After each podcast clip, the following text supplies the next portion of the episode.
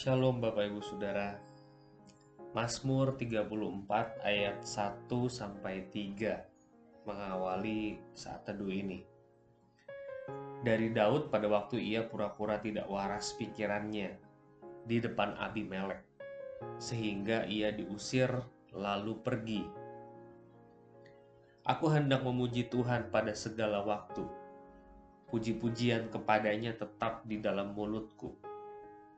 Karena Tuhan jiwaku bermegah biarlah orang-orang yang rendah hati mendengarnya dan bersuka cita. Muliakanlah Tuhan bersama-sama dengan aku. Marilah kita bersama-sama memasyurkan namanya. Saudara-saudara, apa saja pengalaman Daud dengan Tuhan? Kalau kita baca Mazmur 34 banyak sekali. Daud merasa Allah penuh anugerah ayat 4 sampai 7. Daud ingin sesamanya mencari Allah dan percaya kepadanya. Ayat 8 sampai 14. Daud ingin memberitahu bahwa Allah adalah pribadi yang peduli pada orang yang tertindas. Ayat 15 sampai 22.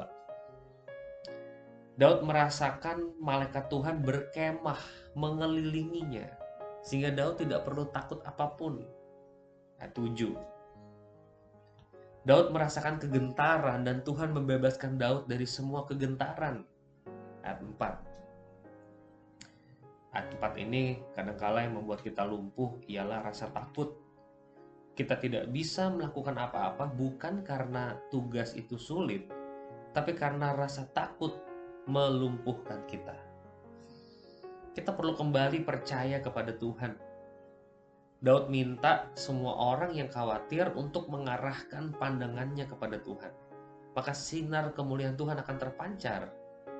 Ayat 5. Saya merasa di dalam bagian ini Daud mengajak semua pembacanya untuk bersama-sama Daud memuji Allah dan memasyurkan namanya. Artinya ada pengalaman Daud yang sangat positif dengan Tuhan dan Daud ingin semua orang merasakan pengalaman-pengalaman itu. Ini adalah satu karakteristik seorang penyembah Tuhan yang benar. Ia ingin semua orang di sekelilingnya merasakan indahnya berelasi dengan Allah. Allah adalah pribadi yang layak dipuji, dan Daud ingin orang lain memuji Allah. Bayangkan Anda memiliki pengalaman ditolong Allah anda mengenal orang-orang yang sedang membutuhkan pertolongan. Bukankah natural untuk menyebarkan kabar baik ini? Bayangkan Anda sembuh dari batuk gara-gara minum obat batuk hitam.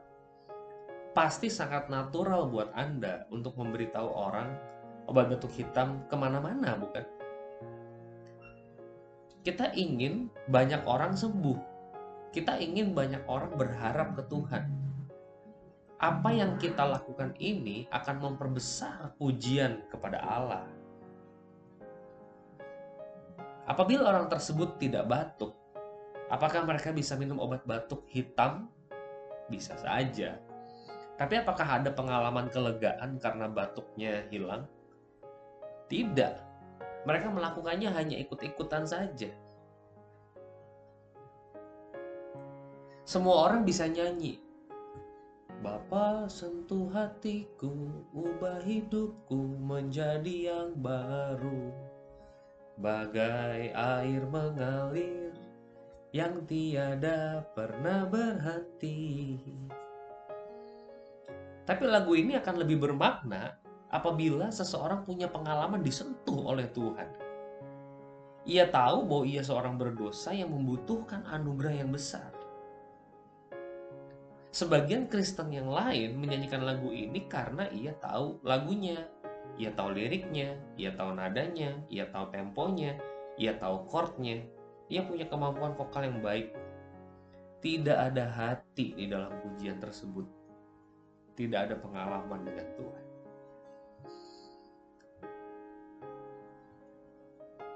Kami berdoa Tuhan supaya kami dimampukan memuji Allah sebagaimana Daud memuji Allah. memperbesar ujian penyembahan kepada Allah.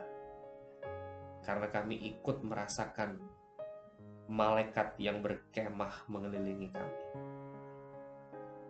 Tuhan, bantu kami menunjukkan pandangan kami kepadamu, sehingga kami tetap produktif di tengah-tengah situasi tidak kondusif.